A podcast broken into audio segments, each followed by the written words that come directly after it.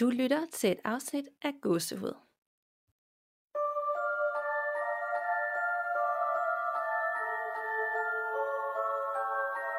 Hej Nana. Hej Danika. Og hej derude alle sammen, og velkommen til episode 97. Det er vildt, vi nærmer os de 100. Det gør vi, og, øh, og når vi er nærmest de 100, så er det jo nærmest forår og på vej til sommer. Det glæder jeg mig. Altså det har været vildt godt i dag nu her, hvor vi sidder og optager, og det har bare været så skønt, at solen har været fremme, og ja. Ja, virkelig dejligt. Som om det har, været det, det har bare været mørkt og gråt og koldt og blæsende og regnfuldt virkelig længe. Og det var sådan, jeg sad og tænkte over, jeg sad udenfor i går, da det var så lækkert vejr, at øh, jeg kan ikke huske, hvornår jeg sidst har mærket det på den måde. Altså det føles så længe siden, at man har haft de der solstråler på sig, og bare, det er en helt anden liv nærmest. Altså man glemmer det helt. Fuldstændig. Altså, jeg mener også, at der er sat sådan en regnmængde rekord i løbet af februar, at det er sådan den måned i februar i lang, lang, lang tider, hvor det har regnet aller, allermest. Men jeg føler virkelig også bare, at det har været den længste februar nogensinde, og den mest grå februar ever. Det har det også. Jeg vidste ikke, det havde været den mest regnfulde, men det giver også god mening her ja. på den anden side. Ikke? Den skulle være så kort, men den har på en eller anden måde været meget lang alligevel. Ja, det har den altså. Det må jeg sige. Men øh, så er det godt, at der kommer en masse uhyggelige lytterberetninger til jer i dag, så I kan få tiden til at gå med det. Men inden vi går i gang, så skal jeg lige høre, om der er sket noget uhyggeligt hos dig siden sidst. Oh, der er simpelthen, altså der er sket virkelig meget, føler jeg. Altså den er stadig fuld knald på Marit hele tiden. Jeg har heller ikke fået taget mig sammen til at prøve Baldrian endnu, og det bliver jeg simpelthen nødt til at gøre, tror jeg. Øh, det er sådan hver nat også, at jeg får, jeg får sovet elendigt, og så er der jo selvfølgelig alt det her, der sker med Ukraine, hvor Putin har rykket ind, og det er jo bare også bare sådan et nærmest levende marit, man sådan følger med i ja. hver dag. Ikke? Virkelig, virkelig, virkelig, virkelig forfærdeligt. Det kan føles sådan helt forkert at have en normal hverdag herhjemme, og, og gøre det, man plejer, når et andet land skal gå igennem noget helt andet, og et levende marit. Ja, virkelig. Det er så forfærdeligt. Og det føles også bare som sådan et underligt limbo, fordi man ikke rigtig ved, hvad det her får af konsekvenser i det hele taget. Ja, så det bliver ja. også lidt, i hvert fald også når jeg arbejder, og især også med gåsehud, altså det var lige sådan et, et øjeblik, hvor man lige flygter fra virkeligheden og dykker ned i noget, der ikke, du ved, man, hvor man ikke skal forholde sig til virkelige ting. Ja, lige præcis. Det synes jeg bare er virkelig, virkelig rart lige nu. Ja, så det håber også, at I derude kan bruge de her afsnit, eller gå tilbage til alle afsnit og ligesom bruge det som lige et, et kort øjeblik, hvor man lige forsvinder fra virkeligheden. Ja, det er altså virkelig ofte tiltrængt. Det er det. Har du oplevet noget? Øh, ikke på det overnaturlige. Jeg sover altid dårligt. Det tror jeg ikke er noget overnaturligt på sig. Så øh, var jeg igennem øh, corona. Sidst vi optog, der havde jeg corona, men var mildt ramt. Men ja. så øh, lige efter, så var jeg bare overhovedet ikke mildt ramt. Så kom den bare med, med 180 jeg troede, jeg var en af de der heldige, der var lige, du ved, havde lidt ondt i halsen og lidt ondt i hovedet, ikke? Ja. Øhm, og det tog bare, altså jeg synes nærmest, det var 14 dage, sådan on og off, øh, og det kan jeg også høre fra andre, at så tror man det er over, og så er det bare overhovedet ikke over, og så kommer det bare tilbage værre. Ej, hvor forfærdeligt. Og så, så i forhold til sådan noget senfølger, jeg er simpelthen kronisk ret, altså Ja. Jeg kunne, jeg kunne også godt sove før, men nu er det bare sådan, at jeg skal nærmest have en lur om dagen, og om hvor jeg kan slet ikke fungere, og ugidelig, og ting, der bare normalt er, er nemme, det er bare sådan, skal jeg handle, så bliver jeg super forpustet. Altså, sådan nogle virkelig basale hverdagsting bliver bare vildt besværlige på en eller anden måde. Ja, altså, og det, det er det, der er frygteligt. Jeg havde jo et rimeligt let forløb, der varede sådan små 14 dage, øh, og helt klart var værst de første 3-4 dage. Men jeg kæmper også stadig med de der senfølger i form af den træthed der, og, og også stadig har brug for en lur. Ikke hver dag mere, men sådan en hver anden dag, hver tredje dag-agtigt. Det er virkelig, ja, det ja. er hardcore. Det er det, men jeg tror bare, det kom bag på mig, fordi normalt, hvis man har haft en influenza, så er man rigtig syg i en uge, og så er man sådan ligesom tilbage. Og, og nu her, der skal man bruge helt vildt lang tid efterfølgende på at, øh, at forholde sig til de her ting. Ja. Og, og det er jo endda et mildt forløb, tænker jeg ikke. Der er også nogen, der, der er selvfølgelig også nogen, der ikke har det, og så er der nogen, der er endnu værre ramt. Jeg tror bare, det er også sådan lidt, ah, okay, der, det er alligevel øh, lidt noget andet. Ja, nemlig, man skal virkelig tage det alvorligt. Ja. Uha. Ja. Øh, og ellers så øh, er der ikke sket sådan noget, jeg begynder at læse meget igen. Læst nogle øh, gang med nogle uhyggelige bøger. Øh, og øh, både lydbøger, men jeg er blevet helt vildt glad for fysiske bøger igen. Er en fantastisk måde for mig at falde i søvn på, at jeg lige læser en bog, øh, jeg har i hænderne, inden jeg skal sove. Sådan virkelig, ja, jeg bliver bare træt på en helt god måde, og jeg elsker det virkelig. Det er Så, også bare dejligt. Det er det virkelig. Men øh, nu vil jeg heller ikke trække den længere. Jeg tænker, at vi skal hoppe direkte til de her ufattelige, uhyggelige lytopretninger, vi hver især har med. Er du klar? Yes, jeg er så klar. Og øh, vi starter med en øh, lytterberetning fra Anonym, og øh, den er ret uhyggeligt. Øh, det er blandt andet om en tidsrejse, et øh, hjemmesøgt hus eller to, samt en meget velbesøgt dansk kro, altså uh. af afdøde sjæle. Så er du klar? Ja, det er jeg. Kære gåsehud. Jeg har nu lyttet til jeres vidunderlige podcast igennem det sidste års tid. Jeg har en del underlige historier, som jeg har oplevet enten alene eller sammen med andre. Og jeg har valgt nogle få ud, for at det ikke bliver en roman på en masse sider. Vågnet op i en anden tid. Hvis nok jeg afsnit 67 fortalte i en læserberetning om en person, der havde oplevelsen af, at tiden stod stille. En nogenlunde lignende oplevelse havde jeg engang, da jeg var i start 20'erne, som var i slut 1980'erne. Jeg vågnede op en weekend i min ungdomscykkel, og det må have været en weekend, da jeg først vågnede op af formiddagen. Jeg havde en underlig fornemmelse af, at der var noget, der var, som det ikke skulle være. Og derfor stod jeg op og kiggede ned fra vejen. Der var fuldstændig stille, og der var et underligt sommermorgenagtigt lys. Der var ingen mennesker at se nogen steder, men alting så ud som om, at det var rent og nyt, nærmest som om det lige var bygget. Og boligblokkene de blev bygget i 1948. Der var meget få biler på de mange parkeringspladser, som så meget velholdt ud. Der var biler, som var dem, der kørte på gaden i 60'erne og 70'erne. Jeg kan ikke huske, hvor lang tid jeg sad fast i den her underlige tidsfornemmelse, men det har højst været i to til tre minutter. Hvad det er, jeg har forestillet mig, det ved jeg ikke, men jeg er 100% sikker på, at jeg var til stede. Passage fra fortiden. Min ekskone og jeg byggede et nyt hus i en lille landsby for landet. Jeg sad tit på vores kontor gæsteværelse om aftenen, efter konen var gået i seng. Nogle aftener fik jeg tit nogle underlige glimt ud af øjenkrogen, som om noget passerede forbi i køkkenalrummet uden for kontoret. Jeg tænkte meget over, om det var nogle synsforstyrrelser, jeg fik grundet eventuelt stress, mangel på søvn eller lignende. Det blev dog en del mere mystisk, da vi en dag havde vores rengøringshjælp på besøg, der pludselig ud af den blå luft spørger, om vi havde oplevet, at der var nogle personer, der passerede igennem det ene hjørne af huset. Netop der, hvor jeg havde fornemmet, de lysglem kom fra. Vi fandt senere ud af, at netop der havde der tidligere gået en sti, der førte op til gården, der lå ude på marken cirka 100 meter bag huset. Det nye hus, i 2009 blev jeg skilt fra min ekskone og flyttede til nabobyen, for stadig at være tæt på mine to piger. Jeg havde købt et lille rækkehus, der passede fint til, når pigerne skulle være hos mig. En af de første dage alene i det nye hus, der ringede en kammerat og fortalte, at han muligvis ville komme forbi lidt senere om aftenen. Jeg satte mig bag computeren, da det pludselig bankede på ruden lige ved siden af, hvor jeg sad. Jeg trak gardinet fra, men på grund af mørke kunne jeg ikke se, om der var nogen udenfor. Derfor gik jeg ud og åbnede døren, men der var ingen at se. Jeg troede, at det var min kammerat, der var kommet og nu lavede sjov med mig. Så jeg gik rundt om hjørnet til vinduet, men der var ingen.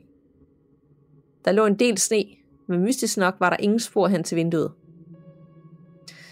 Jeg gik ind igen og lukkede hoveddøren, men jeg havde kun lige vendt mig om og gået få skridt, da det bankede på døren. Få sekunder efter havde jeg igen åbnet døren i forventning om, at min kammerat stod grinende derude. Men det gjorde han ikke. Jeg var nu en smule opkørt og ringede hjem til mine forældre ret sent om aftenen, bare lige for at få det talt igennem og komme ned på jorden igen. Men alt imens jeg talte med min far, var det som om, der var nogen, der gik rundt op på loftet. Min far mente, at det muligvis skulle være en mor, og da vi endte samtalen, tog jeg en lygte og gik op på loftet. Men al isolering lå som det skulle, så mistanken om en mor var måske ikke lige den rigtige. Sidenhen, hvor børnene var hjemme, kom min mindste datter pludselig ud i stuen og beklagede sig over, at hun ikke ville sove i sin seng, da der stod nogen bag døren. Min dengang kæreste nu kone, og jeg fik hende dog til at gå tilbage i seng med lyset tændt og døren stående åbne, da vi troede, at det havde været en skygge eller noget, der måske lignede noget, det ikke var. Det blev dog en anelse mere creepy, da hun noget tid efter havde en veninde til overnatning. Ret sent kom min datter ind i stuen, da hun skulle på toilettet. Hun var dog kun lige kommet ud på toilettet, da hendes veninde kom farende dybt skræmt ind i stuen. Min kone og jeg spurgte, hvad der var galt, og hun svarede, der står en mand bag døren og kigger på mig. Jeg husker ikke, hvordan vi nogensinde fik min datter eller hendes veninder til at sove på det værelse igen. Min anden datter bemærkede tit, at der var meget koldt på hendes værelse, selvom radiatoren var skruet helt op. Det viste sig, at det kun var det ene hjørne over hendes seng, og vi flyttede derfor sengen over til den anden væg. Men stadig den dag i dag er det hjørne til tider rimelig koldt på alle tider af året, selvom resten af huset er opvarmet. Vores styr, en hund og kat, har flere gange siddet og fuldt noget, vi ikke kan se, som om der er nogen, der går forbi. Og samtidig stiller hunden sig op og knurrer eller gør noget, der i vores øjne ikke er der. Huset er bygget i 1981 og har kun haft én ejer før os, som jeg betro stadig er i live. Dog har der ligget en gammel gård på præcis vores grund, og de øvrige rækkehus ligger i det, der dengang var gårdens have. Den gamle kro og husets usynlige beboere. I december 2017 overtog min kone og jeg forpakning af en gammel kro fra 1883. Vi føler os tit overvåget, når vi går alene efter gæsterne er gået.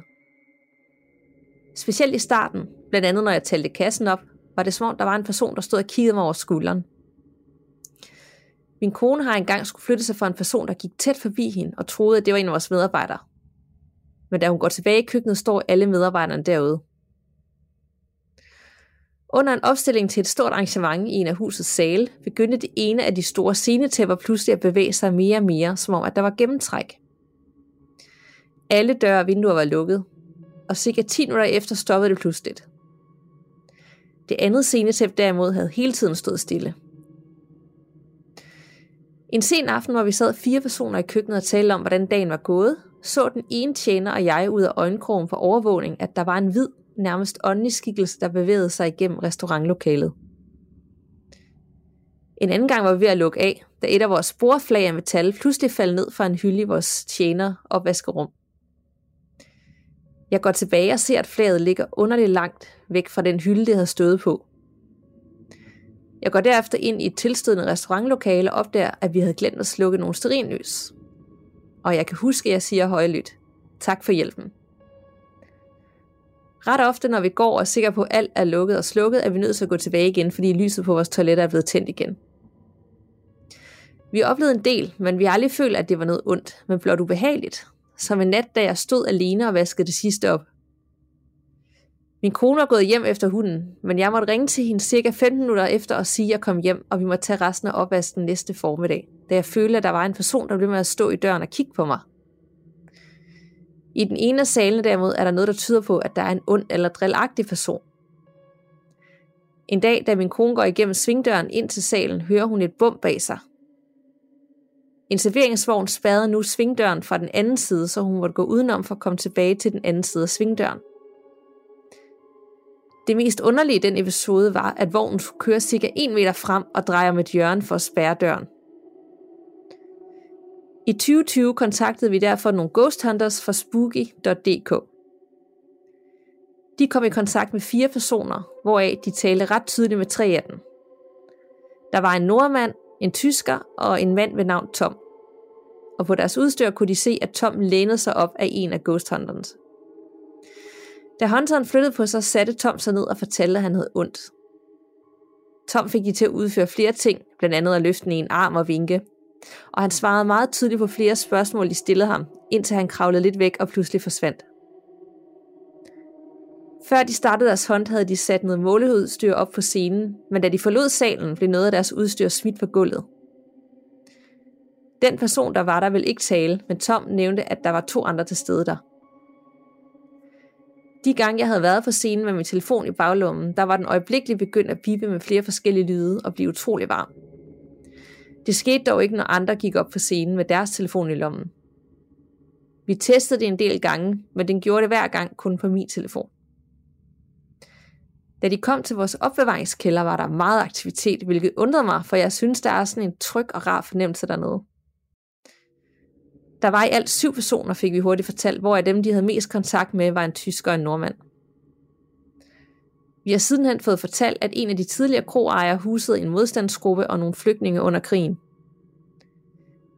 Vi aftalte med Spooky.dk, at de må komme igen på et andet tidspunkt, så vi kunne gå mere i dybden andre steder i huset. Men vi overvejer måske også at få et medie forbi en dag. Man kan i øvrigt se optagelserne fra Spooky.dk på deres Facebook-side. Det skal tilføjes, at jeg før Ghost Huntersne kom på besøg, havde talt med en gæst, der havde arbejdet for kronen mange år forinden. Og hendes eneste kommentar til vores følelsesteorier, det var, det ved jeg godt, for jeg har selv oplevet rigtig mange ting.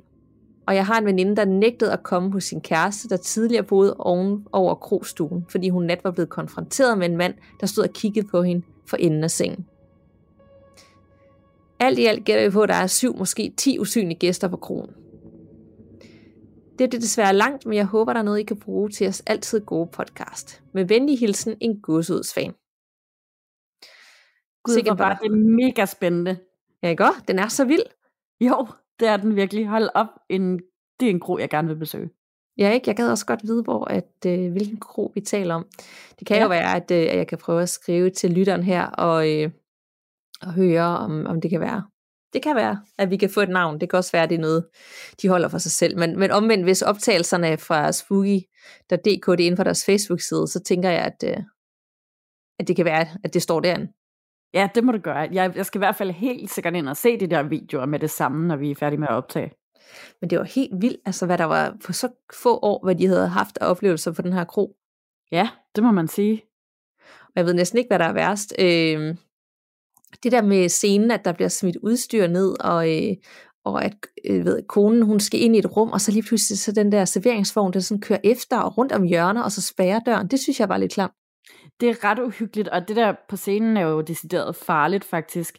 Og det er sådan, altså der må jo virkelig være mange, fordi så, så øh, fortalte lytteren også det her med, at der var nogle sterinlys, der var blevet glemt at blive slukket, men dem havde de så hjulpet med at slukke. Og det er jo virkelig altså, godt, og det er jo farligt at glemme sådan nogle lys der, så det er jo helt vildt hjælpsomt. Ja, det er det. Jeg tænker, det er en god blanding, og også hvis han siger, at der er 7-10 af, hvad de ved af, så er der jo sikkert nogen, som er sådan øh, en nærmest venlig, ja. ikke? Og giver en hånd med, og så er der de der drillagtige, lidt ondskabede ånder, som godt kan lide at, at skabe en stemning. Ja, netop. Ja, jeg, jeg tror, jeg vil være en af dem, der godt kunne lide at skabe en stemning. Jeg vil også være dramatisk. Jeg gad godt vide, hvis man kunne få navnet på den her kro, om ja. man kunne få nogle af gæsterne, du ved, der har boet der, der må jo være nogle gæster, der også har oplevet noget i nyere tid, og man kunne høre, okay, hvad, der, hvad sker der? Er det, sådan, er det noget, der bliver skrevet om på nettet? Og det kan jo godt være. Ja, det gad jeg altså også godt at finde ud af.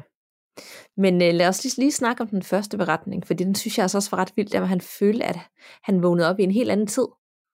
Ja, det synes jeg virkelig også er interessant. Jeg kan virkelig godt lide de her, øh, sådan, der driller lidt med tiden. Der kommer også en senere fra mig, der, der også har haft en oplevelse med noget tid, som også er virkelig, virkelig mystisk. Øhm, ja, det er så underligt det er så underligt, men samtidig så var det sådan lidt, ej, det, gad, det er faktisk noget, jeg godt gad at prøve. Og lige sådan få et par minutter, hvor man oplever verden på en helt anden måde, og så er det bare øh, 40 år eller 30 år tidligere.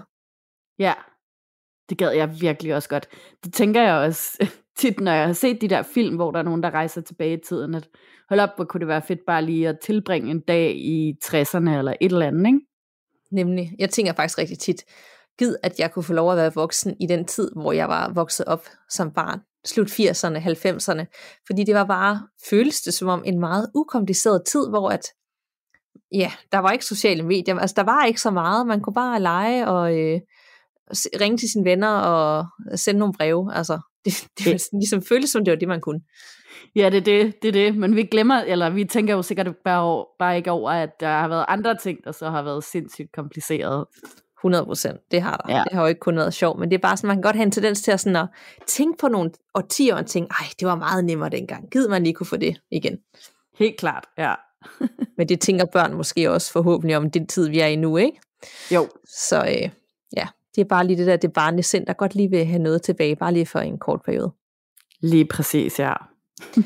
Så øh, tusind tak for den ekstremt spændende øh, lytopretning. Jeg føler stadig, at der er en masse, vi slet ikke fik snakket om, blandt andet de øh, hjemsøgte hus, men øh, den var også rigtig lang, og det er jo bare vildt fedt, når vi får så mange facts med. Nemlig, og så kan vi jo glæde os til, hvis der kommer en part 2. Nemlig. Jeg er klar til næste. Fantastisk. Jeg har en her fra Anna, som skriver, kære Dan, kære Nana. Jeg har altid haft en livlig fantasi, og har derfor altid været bange for både mørke, at være alene, monstre under sengen osv. Jeg var ikke særlig gammel, da jeg begyndte at se gyserfilm, og det blev hurtigt min yndlingsgenre. Dog har rigtig mange af de ting, jeg har set, sat sig meget dybt i mig. Især pigen fra The Grudge. Til trods for alt det, så har jeg aldrig rigtig troet på det overnaturlige. Mest fordi jeg aldrig reelt set har oplevet noget, jeg kunne komme med en logisk forklaring på. På nær lige to ting, og dem vil jeg fortælle om nu. Beklager på forhånd, hvis det bliver lidt langt. Jeg har prøvet at gøre det så kort, som jeg overhovedet kunne. Min første oplevelse skete, da jeg var omkring 10 år gammel og lige var begyndt at se gyserfilm. En aften var vi en gruppe piger, der fik lov at være alene hjemme hos min veninde, som boede i en stor gammel herskabslejlighed. Og vi skulle selvfølgelig have gysermarathon. Jeg havde altid haft en følelse af, at der var andre energier i hendes lejlighed. Jeg følte mig nemlig altid overvåget når vi var der alene, og havde det generelt ikke godt med at være i et rum alene der. Nå, men vores gysermarathon bestod af Gothica, Haunted Forest og The Ring. Min veninde havde en hems, hvor vi lå op og så filmene, og vi havde selvfølgelig sørget for snacks og sodavand i stridestrømmen. Da vi var kommet igennem alle film og skulle sove, lød det som om en af os væltede en sodavand, og vi kunne høre lyden af noget, der dryppede. Det lød uden tvivl, som om der var noget væske, der røg fra hemsen ned på gulvet i en kontinuerlig dryppen. Men vi turde selvfølgelig ikke gå ned fra hemsen og tørre sodavand op, for det var både mørkt og hyggeligt. Og vi var desuden bange for at støde på pigen fra The Ring, da lyden af dryp mindede os om brønden. Vi faldt i søvn til sidst, og morgenen efter, da det igen var lyst, var vi sikre på at finde en tom sodaflaske i hemsen og alt dens indhold nede på gulvet. Men sodavanden havde stadig et prop på. Den var fyldt, og gulvet var helt tørt. Vi kunne på ingen måde forklare drøblyden, som vi alle ellers havde hørt så tydeligt. Det var ikke rør i væggene, der havde sagt den lyd, og det havde ikke regnet. Det er en oplevelse, der stadig sidder i mig den dag i dag. Og måske var det bare et husspøgelse, der ville drille os lidt oven på alt den gys. Min anden fortælling skete i dag. Mit arbejde ligger i en gammel bygning, der før i tiden var en anstalt for blinde. Jeg sidder ved computeren og er den eneste i huset, da det er tidlig morgen. Jeg sidder på første sal og kan altid høre, hvis der er nogen, der kommer op ad trappen og ind på den gang, mit kontor støder til. Jeg har to døre fra mit kontor ud til gangen. Den ene dør står åben, og den anden dør er permanent låst. Begge af dørene har et lille materet vindue i toppen. Pludselig bliver jeg grebet af følelsen af, at der er nogen ude på gangen. Så jeg kigger op fra skærmen og ud på det materede glas i den lukkede dør. Og rigtig nok, så går der en høj person forbi. Jeg undrer mig lidt over at ikke at have hørt nogen ude på trappen. Men jeg tænker, at det nok er en kollega, der vil se, hvem der ellers er i huset. Jeg vender mig derfor mod den åbne dør og venter et øjeblik på, at nogen skal komme ind og sige godmorgen. Men der kom ikke nogen. Jeg undrer mig at gå over til døren for at kigge ud på gangen. Men gangen er tom. Jeg tænker at de andre kontorer på gangen, men jeg er der helt alene. Jeg blev ikke bange, men jeg kan heller ikke komme med en eneste logisk forklaring på, hvad det var, jeg oplevede. Og jeg kan ikke lade være med at tænke på, at det måske har været en af de blinde fra alles anstalten, der helt forvirret ikke har kunne finde rundt, nu hvor alt er blevet lavet om til kontor. Tak fordi I ville læse mine to beretninger op og tak for jeres fantastiske podcast, der altid giver mig gåsehud. Kærlig hilsen, Anna. Jeg skal lige forstå den første forretning. De hører mm. en drøblyd. Ja, Øh, som om der, altså, ja, det er som om, at de vælter en øh, flaske sodavand, og så, du ved, så drypper det bare hele tiden fra den dryp, dryp, dryp, dryp, dryp ned på gulvet, og det hører de rigtig, rigtig længe, ja. Og så dagen efter, så er der bare en, en flaske med låg på. Ja, så er der ikke noget, der er ikke noget vådt på gulvet. Nej, det er også det er meget mystisk. Altså det havde jeg simpelthen heller ikke tur at tjekke, hvis jeg lige havde set The Ring, og slet ikke i den alder der af 10 år. Puh, Nej, der var nærmest ikke en værre film, man kunne se Nej. dengang. Det var jo ligesom kørt op til at være den mest uhyggelige gyserfilm nogensinde. Jeg kan selv huske det. Og jeg tror, hvis man så den i dag, så man tænke, ah, holder den egentlig. Men øhm, dengang, så var det noget af det værste. Så tanken om, at man lå der og kunne høre en lyd, og så skulle ligesom bare ligge og høre på det hele natten. Det er jo vildt Ja. klart. Ja, det er det virkelig, virkelig, virkelig. Puha. Altså, det er altså også nogle ret hæftige film, de har set. Altså, nu tror jeg ikke, jeg har set Haunted Forest nogensinde, men Gothica, den er godt nok også uhyggelig. Ja, det er faktisk lang tid siden, jeg har set den. Men jeg mindes, den var rigtig god. Ja, den, det var, den var virkelig, virkelig fantastisk. Også med helt vildt mange af sådan nogle, øhm, hvad er det nu, der hedder, shock effects og sådan noget, ikke? Ja. Man burde have sådan en retro aften, hvor man lige sådan tog, tog tre af de helt gode gamle. Ja, det burde man altså. Også fordi tit, når vi snakker øh, sådan øh, retrofilm, så er det dem fra 70'erne, de store Hitchcock-klassikere og sådan noget, ikke også? Og ellers så er det de der 80'er nogen, øhm, øh, Halloween og Friday the 13th, Mm. og Nightmare on Elm Street og det der. Men man glemmer altså lidt de der 90'er og 0'er klassikere, der også er der, Ja. som også er gode. Det er jo nok, fordi man selv er vokset op med den, og så tænker man, ah, de er jo ikke så gamle, men de er jo stadig ikke 20 år siden, øh, tænker jeg, at øh, The Ring kom ud. Præcis, ja. Ej, det minder om, jeg skal ind og se Scream den nye morgen, apropos Ej, Ej, gamle ja, gyser. den, den glæder jeg mig simpelthen så meget til at se. Du må lige sende mig en anmeldelse af, hvor god den er. Jeg har ikke engang, jeg har ikke været inde og læse anmeldelser, det tænker jeg er meget fint, fordi det kan være, at den er blevet havlet ned. Men jeg glæder mig helt vildt udelukkende, fordi at jeg husker bare de film som mega gode. Det gør jeg nemlig også. Og der er, øh, nogle, af- der er nogle, flere af de nye skuespillere, der er med i den, som jeg også kender, eller har set i andre ting, som er pissegode. Så jeg tror virkelig, den, den skal nok blive sjov, hvis man godt kan lide Scream i forvejen. Fedt. Det håber jeg også. Men vildt den oplevelse, hun også havde med og de der små vinduer, hvor hun så en gå forbi, og der så ikke var nogen. Ja, det, altså, det er virkelig også creepy bare at se sådan en høj sky- skikkelse ud af det der materede vindue, ikke? Det, det er da meget muligt, at det er sådan en, en efterladt af de blinde tidligere beboere, der har været der, der lige er gået igen. Ja, som bare sådan nærmest, man forestiller sig bare sådan, er låst fast i det der, eller går i ring, og bare ikke kan forstå, hvordan det hele hænger sammen nu. Ja, det må være ekstra uhyggeligt for, det, for vedkommende, når man så også er blind, at alt lige pludselig er... Altså der er man jo så afhængig af, at man ved, hvor alt er i et rum, ikke? Ja. Ja, det kan jeg godt forstå. Hun bliver lidt chokeret over det. Det kan jeg også godt. Ej, det var en god en. Er du klar til endnu en? Det kan du tro, jeg. Og vi har endnu en uh, lytterforretning fra en anonym om uh, afdøde familiemedlemmer, der kigger forbi. Hej Danika og Nana. Jeg vil starte med at sige, at jeg er meget begejstret for jeres podcast. Jeg synes, det er mega fedt, at I snakker om det overnaturlige, da jeg selv deler en kæmpe interesse inden for området. Jeg ser ikke skeptisk på den side af livets mysterier. Jeg ser det mere med en åbenhed. Og det er ikke noget, jeg frygter, for der er noget, der siger mig, at jeg bliver beskyttet, men jeg har også lært at acceptere det og være nysgerrig på det. Jeg har faktisk haft adskillige oplevelser, men jeg tænker at dele nogle af dem i kort format. Jeg havde på daværende tidspunkt en kæreste, hvor jeg i nat sov hos ham.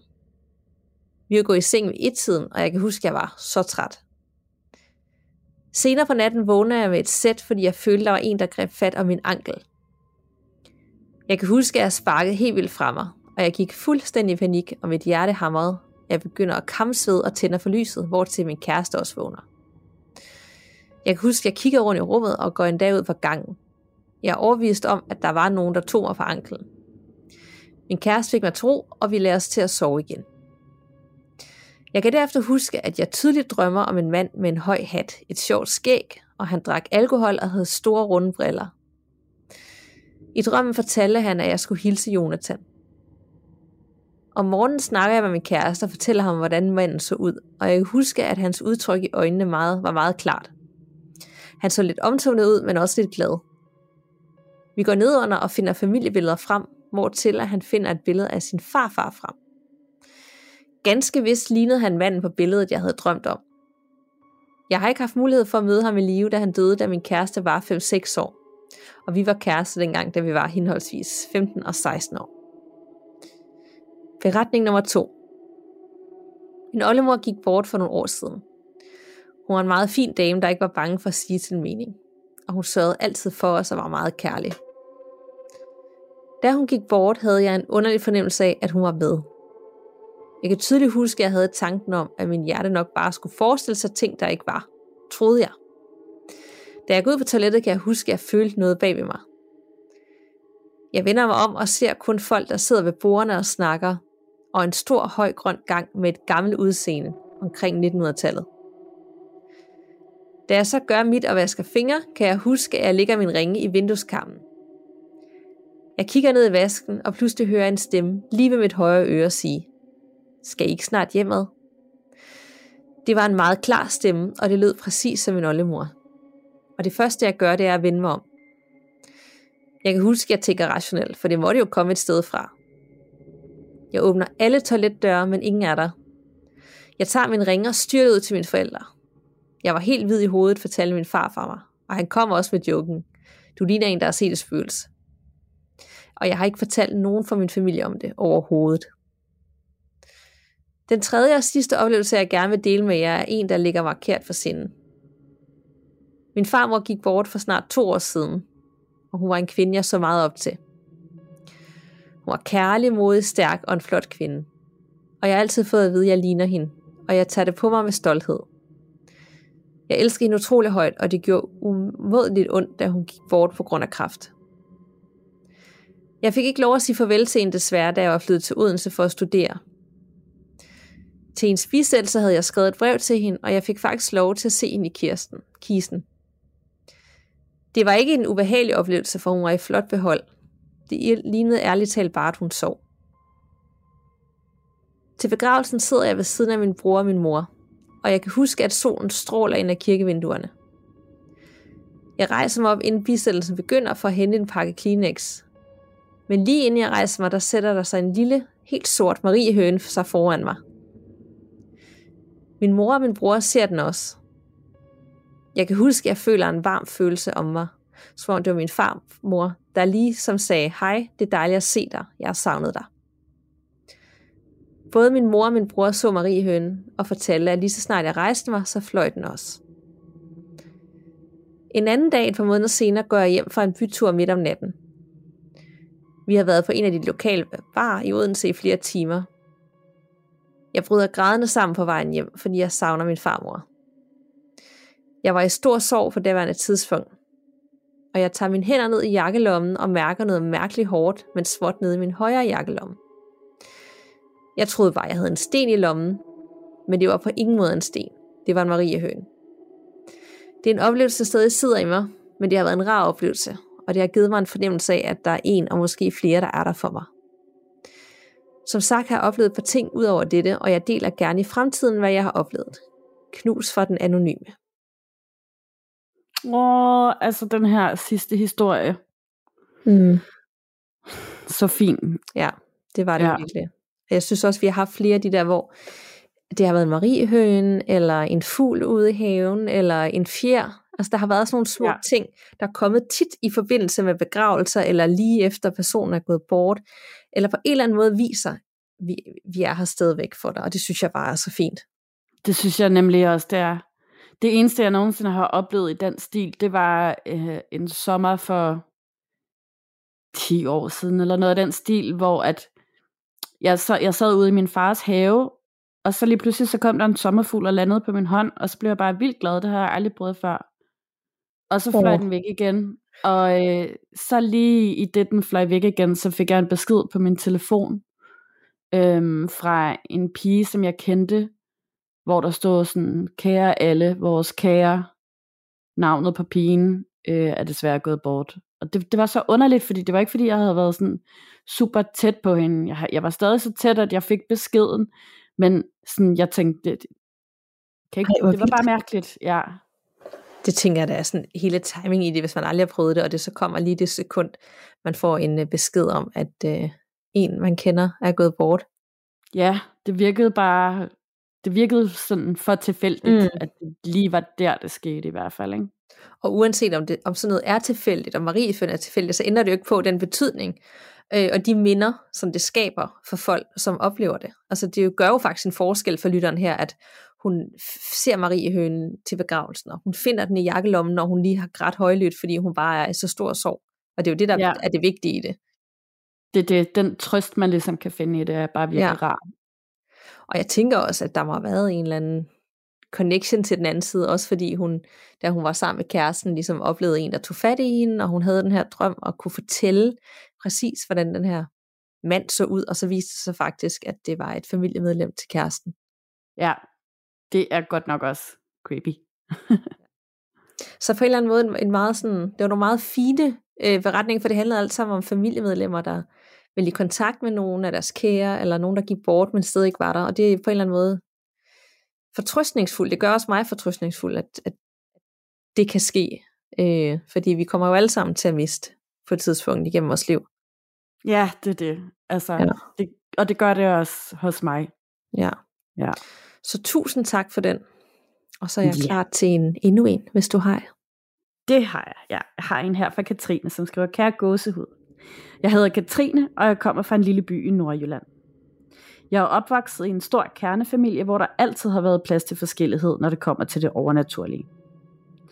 Min far tror overhovedet ikke på den slags, men min mor er til gengæld slet ikke i tvivl om, at der er mere mellem himmel og jord. Jeg har flere små fortællinger, og de kommer her. Mit første minde er måske ikke overnaturligt, men det er meget mystisk. Jeg ved ikke, hvordan det kan forklares ordentligt, men jeg husker en helt særlig morgen fra min barndom, hvor jeg vågner. Men at det var en usædvanlig morgen, for jeg følte, at det var min første morgen nogensinde. Jeg kendte rutinerne, og jeg kendte min familie, men jeg kunne ikke huske noget som helst fra før den morgen. Det var som om, at jeg blev sat ind i en krop på et sekund og slog øjnene op. Mit andet minde er fra en ferie i Danmark, og her er det ikke mig, men det er min bror, som er blevet noget overnaturligt. Min far, min mor, min søstre og jeg gik en tur ned til vandet, men min bror ville blive hjemme i huset. Han kom dog løvende efter os et kort tyk stykke tid efter, og han var så forpustet, at han næsten ikke kunne få vejret igen. Da han havde sundet sig lidt, så fortalte han, at han havde hørt nogen græde og kalde efter ham. Han troede bare, det var mig, men da det gik op for ham, at han var alene i sommerhuset, så flygtede han derfra. Vi grinede alle sammen lidt af det, men alligevel sov alle mine søskende og jeg på det samme værelse resten af ferien. Minde nummer 3. Jeg var kommet tidligt hjem fra skole, og da jeg havde siddet lidt i sofaen og spist lidt frokost, hørte jeg pludselig en puslen og utydelig mumlen op fra loftet. Jeg blev ret overrasket, men tænkte, at det må være en af mine søskende. Så jeg går ud i gangen og råber, Hallo! Men jeg får ikke noget svar. Der løber det mig koldt ned ad ryggen. Jeg løber ind i stuen, og ganske rigtigt, så kommer resten af min familie dumpende hjem kort tid efter. Fjerde minde. Min afdøde hund var den gladeste og mest melgørlige hund ever. Men en aften var det helt anderledes. Jeg var alene hjemme med mine to mindre søskende, og vi sad og så film i vores fællestue, som lå op på loftet. Min hund kommer pludselig op ad trappen, også selvom den ikke må. Vi prøvede at lokke den ned igen, men det var helt umuligt. Han ville ikke med os ned. Da vi efter lang tid fik ham med ned, så stod vi i køkkenet, hvor han så stirrede ud i vores gang og knurrede kort. Vi fik ham med ind i vores stue, der ligger nedenunder, men hans ører var hele tiden spidset, og han kiggede enormt meget rundt, hvor han normalt bare ville have taget sig en lille lur imellem os. Så pyha, der gik vi ikke i seng, før mor og far kom hjem. Jeg har flere små fortællinger, men det her må være godt for nu. Tak for en god og hyggelig og uhyggelig underholdning. Jeg er vild med det. De varmeste knus fra Katrine.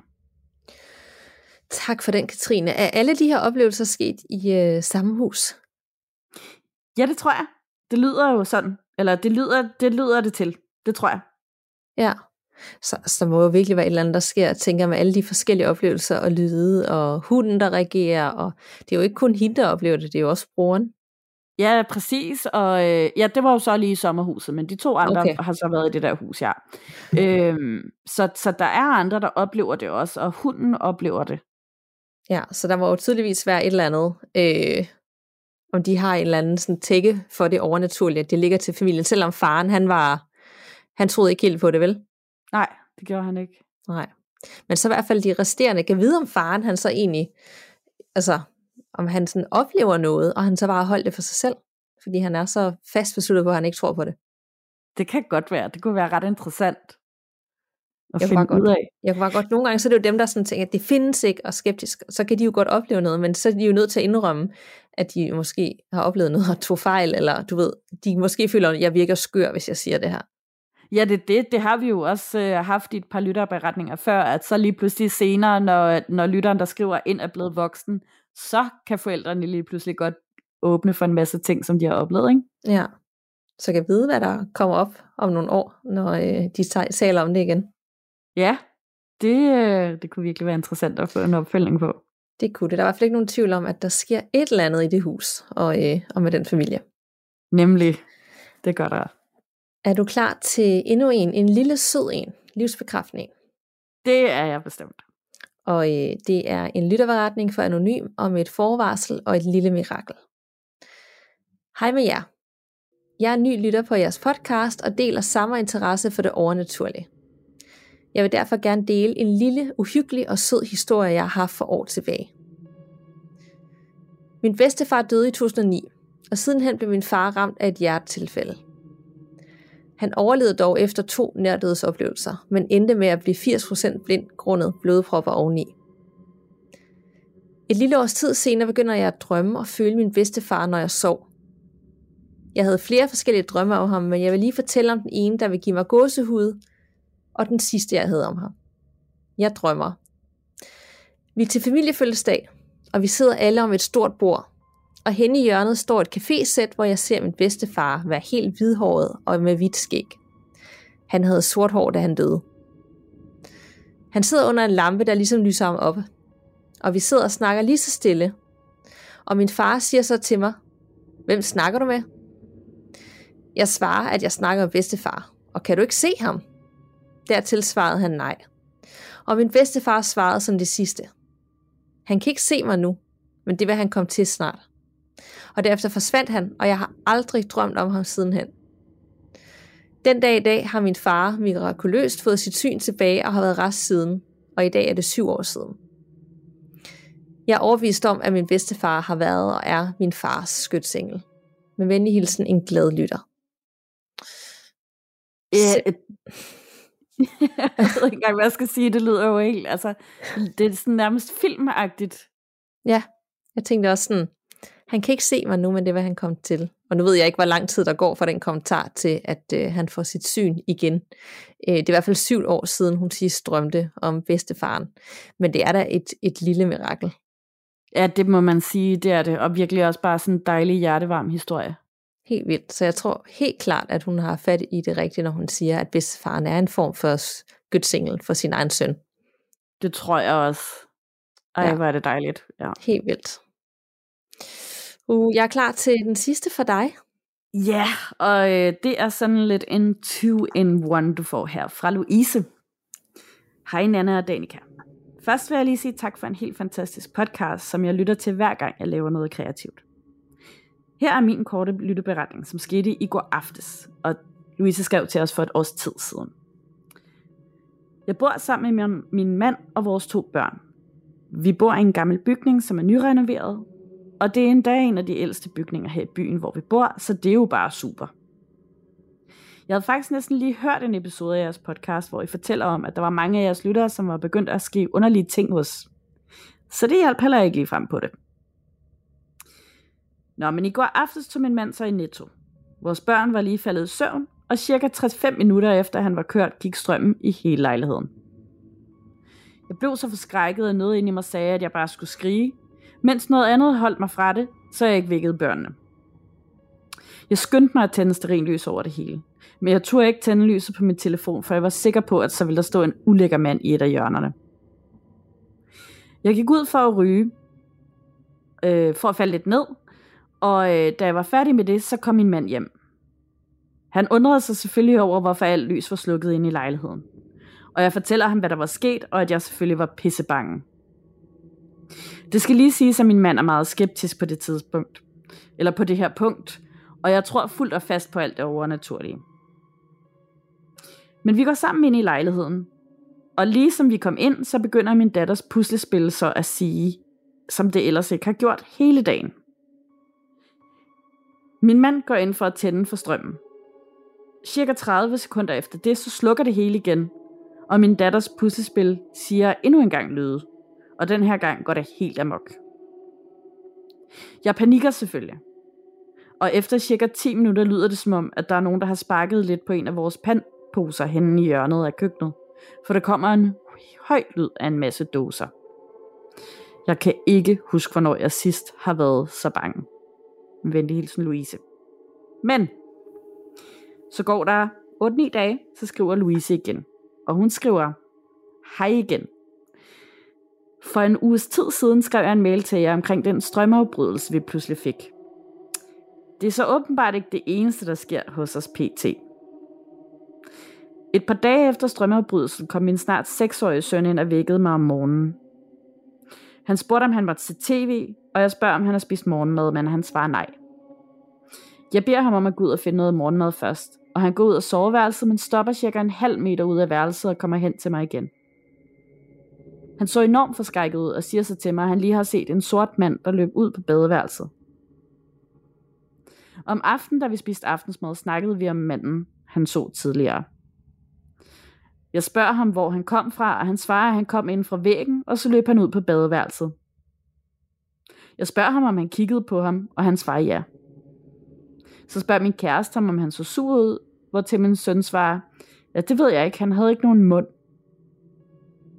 Han sagde også, at han var bange for ham. Og vi forklarede ham, at han ikke skulle være bange for ham, og at han måske bare skulle prøve at sige hej til ham, hvis han kom forbi igen. Og så lavede vi ellers lidt sjov med det, og sagde, at han nok bare skulle skynde sig rigtig meget på toilettet.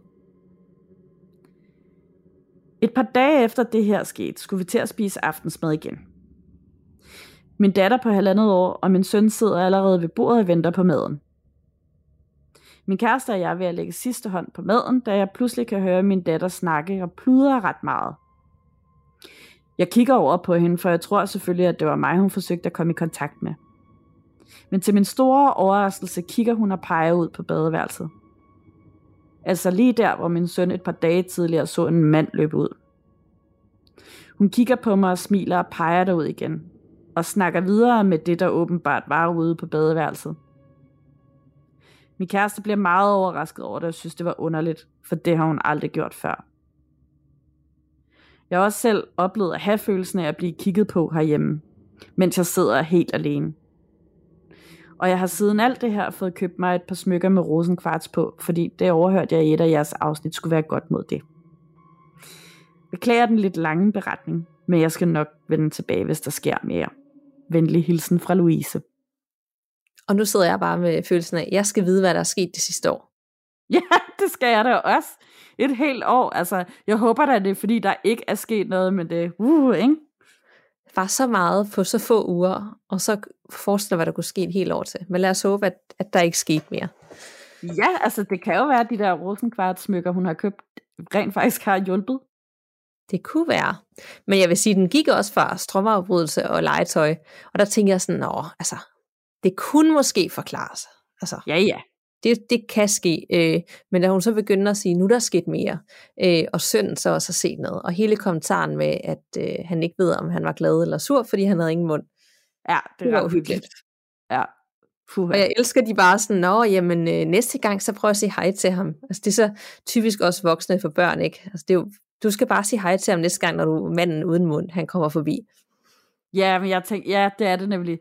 Og lave lidt sjovt med det at sige, han skulle bare skynde sig på toilettet. Der er ikke noget at være mm. bange for det. Ja, men jeg, jeg tænker også, altså, det er bare så godt ikke bare at benægte, at han, eller sådan sige til ham, at han ikke har oplevet noget, at det er bare noget, at finde finder på og sådan noget. Ja. Det, jeg, jeg tror, det er godt at takle den på den måde. Det tænker jeg også der. Ja. Og selvfølgelig når datteren så også begynder at pege og smile helt vildt og pludre og, og tale med det her, som de ikke kan se, kan vide, hvad det er. En, ja. og, så, og så er det også fordi, det er, en, det er et eller andet overnaturligt, som, som løber forbi. Altså du ved, det er bare, altså ting, der løber og kravler, ikke? det er bare værre end ting, der står næsten for mig. Ja, ja det er det. Puha, især mere, ting, der kravler faktisk. Ja. ja, det er det. Jeg har ja. faktisk øh, en, der, øh, der kravler i den næste. Faktisk nu, du uh. siger det. Jeg har faktisk nogle ting, hvor jeg tænker, det er det er gyserfilms øh, materiale øh, eller poltergeist-agtigt. Fedt, fedt, fedt, fedt, fedt. Så hvis du og I, der lytter med derude, er klar til at slutte af på den, så kommer den her. Yes! Og det er fra Cecilie. Hej Danika og Nana. Til at starte med vil jeg gerne sige tusind tak for en god og uhyggelig podcast. Keep up the good work, girls. Jeg har længe selv gået med tanker omkring den anden side, om der er noget mellem himmel og jord. Jeg har i hvert fald i mange år oplevet en masse, som har haft påvirkning på mit liv. Og her kommer der mange forskellige episoder, både korte og lange, men I er helt selv velkommen til at vælge fra til. Og vi har selvfølgelig taget alle med. Episode 1. Da jeg var omkring tre år gammel, vågner jeg ved, at jeg kan se to ansigter. Og jeg kan se, at jeg ikke er på mit værelse. Jeg lå altid i en trammeseng på mit gamle værelse, og jeg har aldrig som helt lille haft problemer med at sove derinde. Men videre til historien. Jeg skriger og græder efter min mor, men kan kun høre min mor råbe efter mig. Der går længe inden hun kommer, og de ansigter jeg ser, de kommer tættere og tættere på mig. Efter cirka 10 minutter kommer min mor og beder mig op, og hun tager mig direkte med ind på deres værelse, og jeg så sovet der til jeg var omkring de 8 år. Da jeg blev ældre, og jeg bedre kunne forstå ting, tog min mor og jeg en snak om det. Hun fortalte mig så, at jeg faktisk lå i min trammeseng inde i stuen. Og det skal lige siges, at stuen er okay langt fra mit værelse. Min mor fortalte mig også, at jeg aldrig, som i aldrig nogensinde har haft min seng inde i stuen, og jeg aldrig er blevet lagt til at sove der. Så på en eller anden mystisk vis er min trammeseng med lille mig i flyttet ind i stuen midt om natten. Grunden til, at jeg kan huske dette, selvom jeg kun var omkring de tre år, det er fordi, det er en episode, som stadig sidder dybt i mig og er helt uforklarlig. Episode 2 på dette tidspunkt har jeg fået en ny seng, og er stor nok til at sove i en almindelig seng. Nu er jeg omkring de 8-9 år. Min seng stod helt hen i hjørnet, skråt over for døren. Min første nat gik godt, men mine følgende nætter gik knap så godt. Jeg vågner ved, at jeg føler, at der står en skygge i det modsatte hjørne og kigger på mig. Og jeg går i panik og gemmer under dynen. Jeg var så bange, at jeg slet ikke turde råbe på min mor. Hver eneste gang jeg kiggede op, havde skyggen rykket sig tættere på mig. Og når skyggen var tæt nok på mig, til jeg kunne se, at det var en mand, der gemte jeg mig under dynen til at falde i søvn. Andre nætter har jeg ikke kunne sove, fordi jeg havde en følelse af, at nogen pillede ved mine fødder ved fodenden. Jeg pakkede mig så derfor altid helt ind i dynen og lå hver nat i fosterstilling. Følelsen jeg havde med, at nogen pillede ved mine fødder, var, at jeg blev nusset og kildet. Jeg sov derfor inde hos min bror, til jeg var sikkert 12 år gammel. Episode 3 Jeg var begyndt at sove på min brors værelse, og det gik egentlig rigtig godt det første års tid. Men ud af det blå fik jeg problemer med at falde ud af sengen. Min bror han havde en køjeseng. I starten fik jeg så skruet en planke op ved åbningen, så jeg havde noget at læne mig op af, så jeg ikke faldt ned. Dette hjalp i en kort periode, men efter lidt tid endte jeg igen på gulvet midt om natten. Hver eneste nat. Min far satte nu endnu en planke op, så der kun var en lille firkantet åbning på enden af min fødder til at komme ind og ud af sengen. Der var altså også kun en lille åbning mellem plankerne på cirka 5 cm, og altså ikke stort nok til, at jeg kunne falde ud af sengen igen. Dog hjalp det kun i en lille periode, da jeg igen havnede på gulvet midt om natten. Det kunne ikke forklares, hvordan jeg vågnede med et dunk og følelsen af at falde på gulvet, og jeg blev derfor nødt til at sove på en madras i flere år. Episode 4 på dette tidspunkt har jeg været omkring 17 år. Jeg skulle i bad, men jeg havde en rigtig dårlig fornemmelse af, at jeg ikke var alene derude. Jeg låser altid min dør, da jeg elsker at have mit eget space, når jeg skal i bad på toilettet. Jeg kigger flere gange ud af bruseren, men der er ikke noget. Og jeg tænker, at jeg nok er blevet lidt skør og gør ikke mere ved det. Men en dag, da jeg skulle på toilettet, gjorde jeg min rutine og tjekkede bag bruseforhænget og alle andre steder, da følelsen af, at jeg aldrig var alene derude fortsatte. Som altid var der intet at se, og jeg sætter mig ned på toilettet. Jeg går lige for Messenger, da min veninde havde skrevet, men jeg mærker den klammeste følelse af, at der står en til venstre for mig og kigger på mig. Jeg får kuldegysninger, og jeg tør ikke kigge i starten, men jeg får taget mig sammen og kigger. Jeg skriger og taber min telefon fra gulvet, da jeg ser en sort skygge stå og kigge på mig. Jeg flår min telefon op og kigger med det samme igen, men nu er skyggen væk. Jeg gør mig færdig og løber ud til min far og forklarer historien. Vi går med det samme derud igen og tjekker det hele, men der er ingen og intet at se. Episode 5 jeg er nu 19 år og bor stadig hjemme i det samme hus. Min kæreste bor hos mig, og i nat ændrede alle vores nætter sig, og vi har sovet med lyset tændt siden. Vi ligger i sengen og skal til at sove, da min kæreste skriger og kryber sig ind til mig. Han råber og skriger. Hvem er det? Hvem er ved siden af mig? Hvem er det, der er bag ved mig? Jeg forstår intet, og jeg spørger ham så nærmere ind til det, men han siger intet. Han ville dog sove med lyset tændt. Dagen efter snakkede vi om det, og han forklarede mig, at han så en skygge kravle på gulvet med helt røde øjne. Den kravlede hen imod ham, og jeg gyser og skræk, da der altså intet rødt lys er på mit værelse, og slet ikke på gulvet. Og siden da har vi sovet med lyset tændt. Med venlig hilsen, Cecilie. Okay, det var i hvert fald en måde at slutte af med et drag på. Så var så godt derude. ja. Nej, jeg ville dø af skræk, hvis nogen vækkede mig på den der måde der. det ville jeg virkelig. Uh, shit. Men det er jo den samme skygge, lyder det til, der går igen og igen og igen. Det er jo det samme hus hele tiden. Ja, det, det, det var altså også den tanke, jeg havde, at der er et eller andet, der ligesom sad fast på hende.